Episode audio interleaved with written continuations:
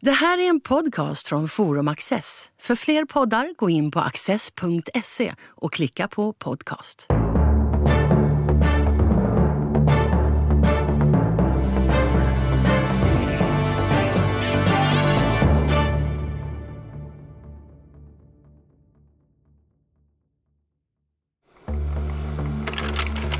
Robert Musil är en österrikisk författare som aldrig avslutade sitt magnum opus. Ett verk som han första gången refererar till i sin dagbok redan 1905 och vars inledande del utkom 1930.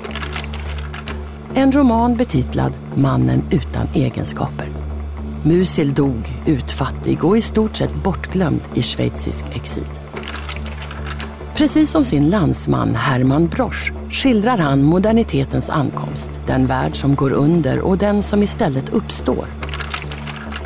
Bo Isenberg, docent i sociologi vid Lunds universitet, samtalar med Peter Luthersson. Robert Musil är både de stora och de små formatens man. Ehm, I det lilla formatet finns till exempel en föreläsning från, tror jag, 1937 om ett stort ämne som är om dumheten. Det är ju ett av mänsklighetens stora problem genom historien. Ja, eh, det är för Mosul så det är ett kärt tema. När han, eh, han håller ju det här ursprungligen som ett föredrag. Mm. Han gör det vid två tillfällen och det här är ju dessutom bara något år innan Österrike kommer att anslutas till, tyska, till Tyskland. Och Anschluss. Anschluss 1938. Eh, det här är ju för Mosul kanske man kan säga den har två olika funktioner. Det ena är att han är hela tiden intresserad av det här med dumhet. Han är ungefär lika intresserad av genialitet. Han säger ungefär så här att man kan ju uppenbart socialisera människor eller uppfostra människor till dumhet. Eh, och så ställer han sig frågan om man inte också kan, skulle kunna socialisera eller uppfostra människor till genialitet. Och det är ju en mer tveksam fråga, säger han då. Men sen har den här essän, som det då också har blivit, en annan funktion. Jag tror att man kan säga att det här är en av Mosils få i och för sig förtäckta och diskreta politiska handlingar. Det finns en del sånt där i den, till exempel att han nämner som eh, ett exempel på vad man brukade betrakta som imbecilt, en rättsordning där man säger att den andra blir, blir fälld. Det är alltid rätt. Men den tillämpas idag i Europas hjärta. Sådär. Ja, han, eh, han skiljer ut vad han då eh, ser som olika typer av dumhet. Va? Eh, han pratar, om den, han pratar om den imbecilla dumheten, den som är obotlig och som man menar på att den behöver man egentligen inte försöka definiera för alla vet i någon mening vad den är för någonting. Men den mer intressanta, mer kulturellt eller samhälleligt bestämda dumheten är ju den som man kallar för funktionell dumhet. Eh, som man ungefär lika gärna skulle kunna kalla för instrumentell dumhet. Han talar mycket om att väldigt intelligenta människor kan vara mycket dumma också. Ja. Till exempel eh, träna upp sig till att få en trång verklighetsuppfattning ja. genom att specialisera sig för mycket. Ja. Eh, specialisera sig för mycket eh, och det är i fall då någonting som man kan säga sker i och med det moderna samhället, i och med moderniseringarna som som liksom eh, gör sig gällande i allt högre utsträckning. Men han, han talar också, och det kanske är mer med den mer intressanta formen av dumhet, att han, den funktionella dumheten, att han, han menar på att många intelligenta människor, kompetenta människor ställer sig till förfogande för eh, mm. dumma ändamål. Eller, I det här fallet som han är mest ute efter är ju då den totalitära staten. Ja, den nya Tyskland som ja. snart ska inkorporera Österrike som gör att ja. han själv var tvungen att, att lämna landet. Också. Som han måste ju lämna landet, lämna Wien eh, bara något år senare och han har ju också lämnat Tyskland tidigare. Han, hela 20-talet så pendlar han mellan Wien och Berlin hela tiden och strax efter 1933 så har han ju lämnat Tyskland och flyttat till Wien. Eh, så, och nu ger han sig av igen och till Schweiz. Och sen lämnar han återigen efter 1938 mm. för Schweiz. Ja, så lever han där till sin död 1942. Det där med, du kopplade det till modernitet. Eh, ett stort tema i den bok som han har blivit mest känd för, modernitetens ankomst, är en bärande beståndsdel i den också. Att beskriva den och att resonera omkring den. Man kanske kan säga som så här att Mosil, Mosil har en väldigt brokig bakgrund in i det som han sen ska bli, nämligen en författare. Eh, han är militär, han är ingenjör, han läser filosofi, psykologi. Han har alltså en väldigt... Disputerar till och med på en avhandling om Ernst Mach. Ja, precis. Han disputerar i psykologi. Mm. Eh, och sen lämnar han akademin i alla fall, fast han egentligen har en, en väg att, att fortsätta på det. Men det gör han inte, utan han eh, fortsätter då som författare, han fortsätter som journalist och redaktör. Och så. Men man kan säga som så här att eh, det här med modernitet, det är, det är på något sätt en, en övergripande generella frågan för, för Moses som han då tar sig an på ett, som en romanförfattare eller essayist. Allt medan många av hans eh, generationskamrater kan man säga gick in i sociologin och kulturfilosofin och kanske litteraturen på andra, andra områden. För litteraturen finns det ju många. Herman Broch har samma inriktning på på eh, modernitetens ankomst och värdenas sönderfall som eh, man finner hos Musil. Och det finns ju hos Josef Roth och mm. Stefan Zweig och det finns hos Thomas Mann och så i den tyskspråkiga litteraturen. Han är inte ensam. Han är verkligen inte ensam utan det är ju en eller ett par generationer som har detta som sitt stora tema. Mm. Moderniseringens, modernitetens ankomst innebär ju nästan per definition att traditioner faller sönder, att erfarenheter går förlorade. Och man kan säga som så här att det fanns en, en, en betydande förlusterfarenhet men också en erfarenhetsförlust till förmån för det nya för att saker och ting helt enkelt var nya inom teknik och inom byråkrati och politik och kapitalismen naturligtvis som, som, eh, som ju var rasande vid den här tiden och som eh, la under sig människoöden och samhällen och kulturer. Han fyller sin framställning och det är ju så att säga den verkliga ytan av detta med eh, hänvisningar till nya apparater och nya fenomen. Det kan vara allting ifrån mätmetoder som lyckas urskilja pyttesmå grejer till eh, rörpost eller tunnelbanor eller räknestickor eller bilar eller vad som helst. Sådär. Så Mosul är, han är till skillnad från en del av, av sina generationskamrater så är han inte nödvändigtvis negativ till den här utvecklingen. Han ser att någonting går förlorat, någonting fundamentalt håller på att gå förlorat. Men å andra sidan så får vi en massa nya saker istället. Sådana här ska vi säga, detaljer som, som du räknar upp här men som också är uttryck för någonting större. Alltså en teknisk utveckling som han ju var fascinerad av och som han bejakade helt och hållet. Eh, men att detta måste, måste liksom balanseras med någonting annat också. Han har ju som ett av sina bärande teman i den stora romanen Mannen utan egenskaper så, så talar han om förhållandet mellan rationalitet och emotioner eller noggrannhet och själ som han, som han talar om. Eh, och det är ett av de, de viktigaste teman eh, i romanen. Det är också ett av de stora problemen i den moderna kulturen, säger han. Att det finns en obalans mellan det här, att det har skett en separation mellan känsloliv och rationalitet.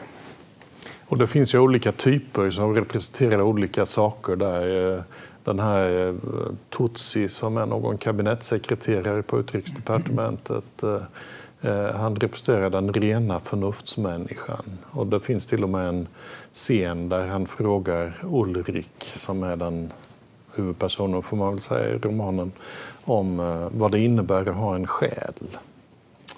Vad det innebär att ha en själ? Ja, det tror jag är en fråga som Mosul därmed ställer till sig själv egentligen, som man också försöker resonera kring i, i romanen. Det finns en, en dagboksanteckning hos honom där han säger att han, han har just läst en essä om Ellen Key där hon försöker då eh, problematisera och ta reda på vad är själen för någonting och hur ser den moderna människans själ ut egentligen. Och eh, det är också kan man säga en viktig fråga för för Mosul i, i den här romanen. Eh, och där han ser just de här två komponenterna, alltså känsloliv och förnuft som de två viktiga elementen, men där det måste finnas en balans och där det, det måste, man måste försöka förena dem eller syntetisera dem igen. Men moderniteten har inneburit att känslolivet har fått ge vika för det rationella tänkandet. Och detta är fatalt för honom. Men hela romanen berättartekniskt är ju gjord på det viset att eh, det är ju en eh, orkester av röster eh, som representerar olika ståndpunkter, olika tolkningar, olika inriktningar. Ehm, det kan vara väldigt svårt att veta vad, vad som är Mosil i det. Ibland är det ju lätt att se vad det inte är i alla fall. Men, men eh, det blir en, en container eller container är inte bra. Det blir ett rum där det sitter en rad personer och säger olika saker om samtiden och hur man ska tolka den. Och ur det där eh, myllret av röster så uppstår det ja, en roman. Ja, det uppstår en roman eh, som ju egentligen inte är en, en, roman i någon mer konventionell mening utan det är ju också, Moses säger själv att det här är överhuvudtaget inte en roman utan det här är en jättelik essä. Mm. Där en massa röster just får komma till tals och tolka den, den, den, nya tiden, moderniteten och sedan också då traditionernas och värdenas eh, försvinnande och förfall och så vidare. Samtidigt har den ju romaninslag genom att eh, Eh, Eh, det finns eh, vad ska jag säga, en handling i den. Den är ju visserligen eh, helt betydelselös och perifer men som kretsar kring någonting som kallas parallellaktionen. Vad är det? Parallellaktionen är, en, är närmast en, en grupp, som Mosel uttrycker saken, betydande människor i, i den Donaumonarkin som ska på ett eller annat sätt fira eh, att Frans Josef kommer att ha, ha, ha sin 70 har, har regerat 70 år. Ja. Har regerat 70 år eh, som kejsare för Donaumonarkin. Eh, 1918. 1918 ska detta då infalla. Ja. Romanen utspelar sig under året före första världskrigets eh, utbrott. Så det här kommer ju då aldrig att äga rum eftersom kejsaren också dör 1916 och så bryter kriget ut. Och så. Eh, och att man kallar det parallellaktionen hänger samman med att det står i ett visst förhållande till att eh, Tyskland tidigare annonserat att de ska eh, fira Wilhelm den andres 30 år på tronen 1918 och så ska Österrike inte vara sämre. Österrike ska inte vara sämre utan tvärtom lite bättre för man har haft en kejsare som har suttit längre och man har ett större rike och så vidare. Så Eh, Tyskland är ju ständigt då konkurrenten som man försöker förhålla sig till. Man bjuder också in en av de här betydande personerna som deltar i den här parallellaktionen är ju då, eh, som Osel uttrycker saken, den, den stora författaren eh, Arnheim som ju är en, eh, där förebilden förmodligen då är Walter Rathenau. alltså den tyska både industrimannen men också författaren. Eh, så han bjuds in i det här för att ge sina synpunkter på det här.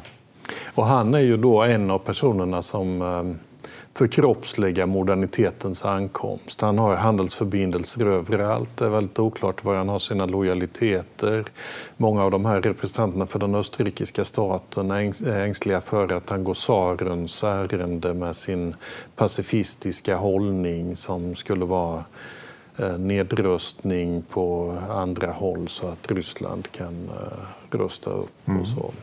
Han, ja, han är ju helt klart ett, ett, ett främmande element i, det här, eh, i den här samlingen människor som ju, där man i regel, med undantag kanske då för just Ulrich, mannen utan egenskaper, som kommer att bli eh, sekreterare för parallellaktionen så är man ju väldigt mån om traditionerna, att bevara dem. Och man, det finns också en ängslighet i den här gruppen där ängslan väl i första hand gäller att man ser moderniteten som ett hot mot eh, traditionella institutioner som kejsar, kejsaren. Den ledande gestalten där, eller nej inte ledande, men den finaste gestalten där, greve Leinsdorf, han, eh, eh, han talar ju om att kapitalet och bildningen har kommit ur takt med varandra. Kapitalet har sprungit ifrån bildningen och kunde man bara få dem att gå ihop igen så kommer den gamla världen att återuppstå. Jag tror man kan se det här som att, eh, att det här är ett tema som också dyker upp på andra sätt i romanen och som vi just har talat om. Alltså separation mellan olika sfärer eller institutioner i samhället. Där det tidigare har funnits en, en, en helhet eller en syntes. Eh, och som många enskilda människor, men också i det här fallet institutioner, kan uppleva som ett hot. Men detta är ju en del av moderniseringen av samhället. Att eh, ständigt differentieras och, och där där olika institutioner och värden eller sociala sfärer och så vidare eh, separeras från varandra. Vetenskapen kommer i religionens ställe men vetenskapen har inte religionens förmåga att ge mening och hålla ihop saker utan det blir fragment och skärvor och splitter. Och sådär. Den förklarar på ett väldigt övertygande sätt. Eh, och det är en sak som då Ulrich gärna bejakar men han saknar ju sedan också just detta att, eh, att meningen går förlorad. Det är det som, mening, som vetenskapen gör, den berövar tingen sin mening. Och det där det går ju tillbaka mycket på Nietzsche eh, och hans mänskligt allt för mänskligt och som Nietzsche refereras det ju ständigt till i romanen också. Överhuvudtaget är det ju en ofantlig mängd referenser till vad ska vi säga, den västerländska bildningstraditionen. Alltså Mosul är, han är ju ovanlig som romanförfattare i olika avseenden. En, en, ett uttryck för detta är då att i, vid just den här tiden så är det kanske inte någon direkt ovanlig romantyp därför att det uppstår ju vid den här tiden. Du har ju själv nämnt Hermann Broch till exempel Mm. Och det finns andra representanter för den här mer fragmenterade tänkande romanen alltså som nästan är ett, ett uttryck för en, en, eh, slags vetenskaplig eller filosofisk eh, traktat, va? bara i en annan form.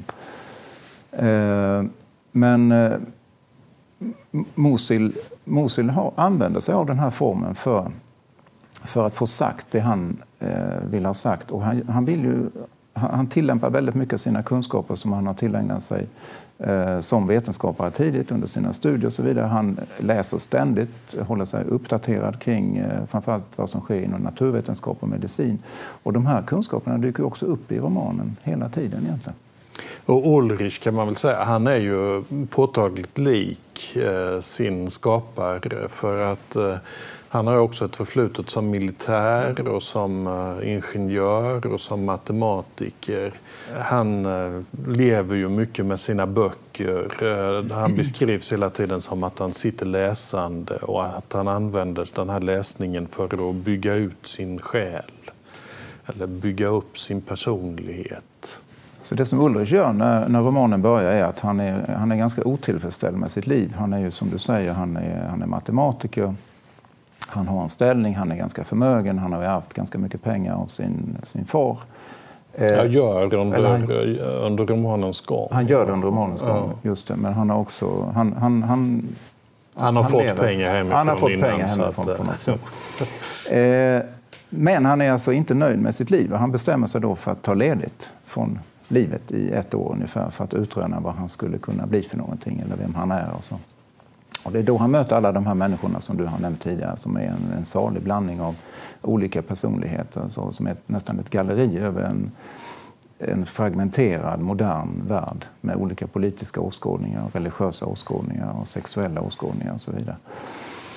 Men det han i första hand söker efter då är, kan man säga, om, om vi går tillbaka till den här till det här dubbla förhållandet mellan rationalitet och, och känslor så är rationaliteten har han. Han är ju, en, han är ju själva sinnebilden för en reflekterande eh, människa. Jag tror att den vanligaste bilden i, i romanen som återkommer hela tiden är, det är Ulrich som står vid ett fönster och blickar ut och så följer det vad som närmast är en essä kring ett tema där han reflekterar kring någonting.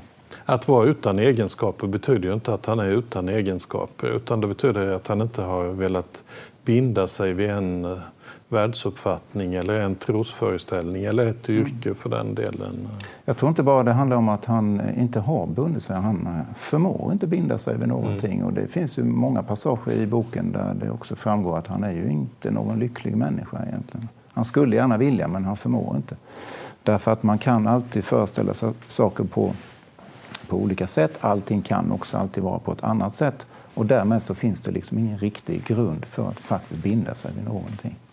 Det här modernitetens ankomst och vad, vad, tiden, eh, vad tiden innebär. Ehm, eh, det finns, eh, det finns eh, vad ska jag säga, olika tecken på det där.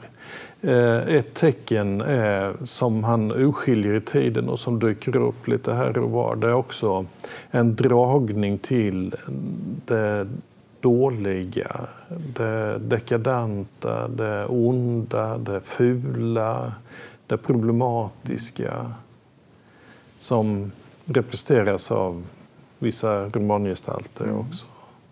Så är det. Eh, och jag tror att det allmänna svar på frågan hur det kommer sig egentligen är att eh, han, han ser det här som alternativ till en, till en mer eh, etablerad livsföring som han ju i, under konventionella förhållanden skulle, skulle stå för och som många av hans vänner och bekanta just står för. En figur som dyker upp och som bitvis i romanen får ganska mycket plats är den man som har mördat en prostituerad. Måsbrugger. Mm. Eh, som han och flera av de andra romangestalterna resonerar mycket kring. Hur kommer detta sig egentligen? Varför har han gjort på det här viset? Och det dyker upp en massa olika förklaringar. Eh, medicinska förklaringar, sociala förklaringar och så vidare. Allt beroende på vem man då eh, som, som kommer till tals i, i romanen. Och det finns en ganska lång scen med en vandring genom ett eh, sinnessjukhus där målet är att få träffa den här mördaren. Men där man också ehm, eh, passerar en rad andra patienter och för samtal om sådant som psykoanalys i tiden och expressionistisk konst som kopplas ganska starkt till sinnessjukdom av den läkare som är Ciceron.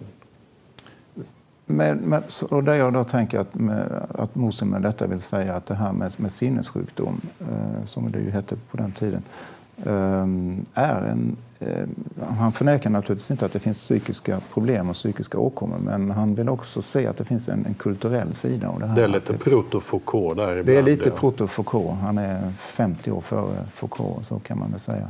Mm. Men det, det, här, vad ska jag säga, eh, det här dragningen Eh, det finns ju några gestalter också, ska säga, skapande konstnärliga gestalter för någonting som också tar stryk med eh, vetenskapens seger. Det är ju konstens ställning, ett slags ende der konst. Eh, det finns en som heter Hans Sepp. Det finns någon som heter Feuermål. Det finns någon som heter Meingast. De är alla dragna till det avantgardistiska. De är också alla dragna till idéer om en ny människa. Och eh, i förlängningen av det blir åtminstone någon av dem starkt dragen till ett eh, rastänkande som, eh, ja, som sen kommer blomma ut under nazismen naturligtvis.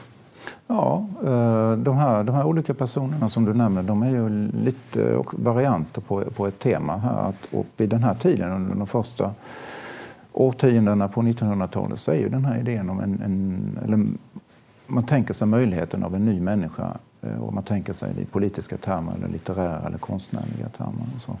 Också rent fysiska. Marinetti ja. till exempel drömde om en reservdelsmänniska ja. som alla delar hela tiden kunde bytas ut och på det viset skapade man evigt liv. Ja, ja. och där är vi nu igen snart. Va? Där är vi igen. Sådana, sådana tankar.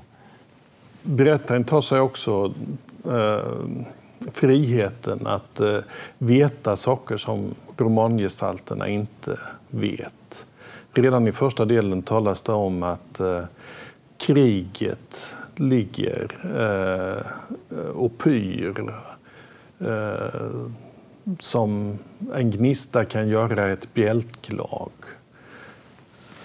Lite längre fram eller senare i, i sviten så, så är det istället att eh, det första förintelseslaget eh, kommer snart att inträffa. Det här vet ju inte romangestalterna, men berättaren vet det och kan därmed också visa hur vissa tankemönster och så rinner rakt in i den här världsbranden som bryter ut. Mm. Moses säger ju själv att eh, en av, eh, en av idéerna med den här romanen är att eh, försöka beskriva vad han kallar för orsakerna bakom första världskriget. Och han säger så här att eh, orsakerna bakom kriget, det handlar inte om kolonialism, det handlar inte om kapitalismens erövringar, det handlar inte om någon politik, ingenting sånt där. Utan det där är möjligen då vad han kallar för mellanorsaker. Men bakom detta finns någonting som, som han eh, ofta kallar för... Han, han pratar till exempel om en metafysisk kollaps som mänskligheten eh, från period till period gärna vill genomleva. Han pratar om att man var trött på freden. Eh, han pratar om att man var trött på det rationella, ratioida tänkandet. Att det hade fått allt för mycket plats. Avförtrollningen. Avförtrollning, som Max Weber pratar om. Precis. Eh, den obalansen mellan det rationella och det emotionella. Eh, där det emotionella hela tiden kommer att göra sig gällande men det kan tryckas tillbaka från tid till annan. Och så. Men vid den här tidpunkten, 1913-1914, så gick det då inte längre. Eh, och det, då säger, säger Mosel också så här det här är någonting som politiken inte förstår. Det här är också någonting som den gryende samhällsvetenskapen med sina metoder och sina teorier inte begriper sig på. Därför att vetenskapen per definition tänker rationellt och har en oförmåga att se det irrationella. Mm. Och det är också en anledning då till att han använder sig av romanen för att beskriva de här, som han menar på, grundorsakerna till första världskriget. Han skulle inte kunna göra det som inom vetenskapen. Han menar inte på, med framgång i alla fall. Inte med framgång, nej. nej. Eh, ett tema som vi inte har tagit upp det är att eh, det är bara två av delarna i den här romanen som på svenska har fyra, fyra delar. Um, som, som kommer ut under hans livstid, 1930 och 32 eller vad det är. Eh, sen finns det en del till som i princip eh, är, färdig och, och, och skicka ut. Och sen finns det en massa kvarlåtenskap som eh, man kan göra någonting av. Ett tema som dyker upp mot, mot slutet av det där som inte publicerades men som ändå fanns det är ju eh, ja, en latent incestuös förbindelse med, mellan Ulrich och hans syster. Mm. Och där det också finns något fragment skrivet redan på 1920-talet där den också, vad ska jag säga, inte blir latent utan explicit. Mm. Hur ser du på det här motivet hos Musil? Ja, man kan säga som så här att eh, romanen är ju förfallet tjock om man då eh, lägger till alla fragment. Och så här. Det hamnar lätt på 1500-2000 sidor någonting. Var de första kanske 1000 sidorna något sådant är den egentliga romanen, så som, den färdiga mm. romanen enligt Mose. Eh, någonstans mitt i där så, så byter, kan man säga, Mosil väg. Eh, fram till den här punkten så är det väldigt mycket en, ett försök att förstå det moderna samhället, den moderna människan eller den moderna själen. Men sen träffar han då sin syster eh, och det gör han då eh, Ulrich, mannen utan egenskaper. Och det gör han då med anledning av att fadern går bort. Mm. Och de träffas för första gången på mycket länge. Och det uppstår genast, eh, inte bara, det är inte bara ett kärt återseende utan det uppstår också någonting mer. Men sen är också eh, det här med, med det incestuösa förhållandet, eh, om det verkligen fullbordas eller inte tror jag nog mm, är oklart egentligen. Eh, det beror på lite grann hur man, hur man, hur man tolkar det här. Och det, I olika översättningar så har det också översatts på väldigt olika sätt vad jag förstår. Eh, och som sagt, sen är det olika fragment och sådär och där han säkerligen också leker med den här tanken. Det är den här resan till paradiset där det definitivt fullbordas? I alla Där det definitivt fullbordas. Så, eh, det är ju, det är ju mycket, en, eh, det är mycket en, en kärlekssaga som utvecklas mellan de, de här två syskonen. Han är inte rädd för att beröra sådana teman. Eh, nu börjar vår tid eh, ta slut och vi hinner inte säga många ord om det. Men, men eh, i hans författarskap finns det ju ytterligare en roman egentligen. Den unge Törles förvillelser. Och där finns det också teman som... Eh, eh ja, den handlar ju egentligen om eh, en grupp pojkar, som, eh, eller ett par pojkar som driver penalism väldigt hårt vid en militärskola. Eh, Eh, som innebär fysiskt våld och sexuellt utnyttjande och förnedring i största allmänhet av en, eh, en eh, av de som finns på skolan. Men här, här förekommer då också eh, homosexuella relationer med den här pojken som är huvudperson och som man återigen kan skönja. Robert Musil, han hade ju också gått på en sån där skola i han, han skyr inte den typen av tematik. Nej, han gör ju inte det. Och eh, jag, jag, tror också att det här är ett, eh, ett försök för honom att, om vi går tillbaka till det som vi talade om tidigare, att, att de här avvikande handlingarna, om vi gör en sån snäll beskrivning av det hela, så, så är det liksom ett försök att bryta mot konventioner, bryta mot det som är i någon mening mainstream och är förväntat. Eh, och han skyr då inte heller att gå hela vägen ut. Så. Tack så mycket. Tack så mycket.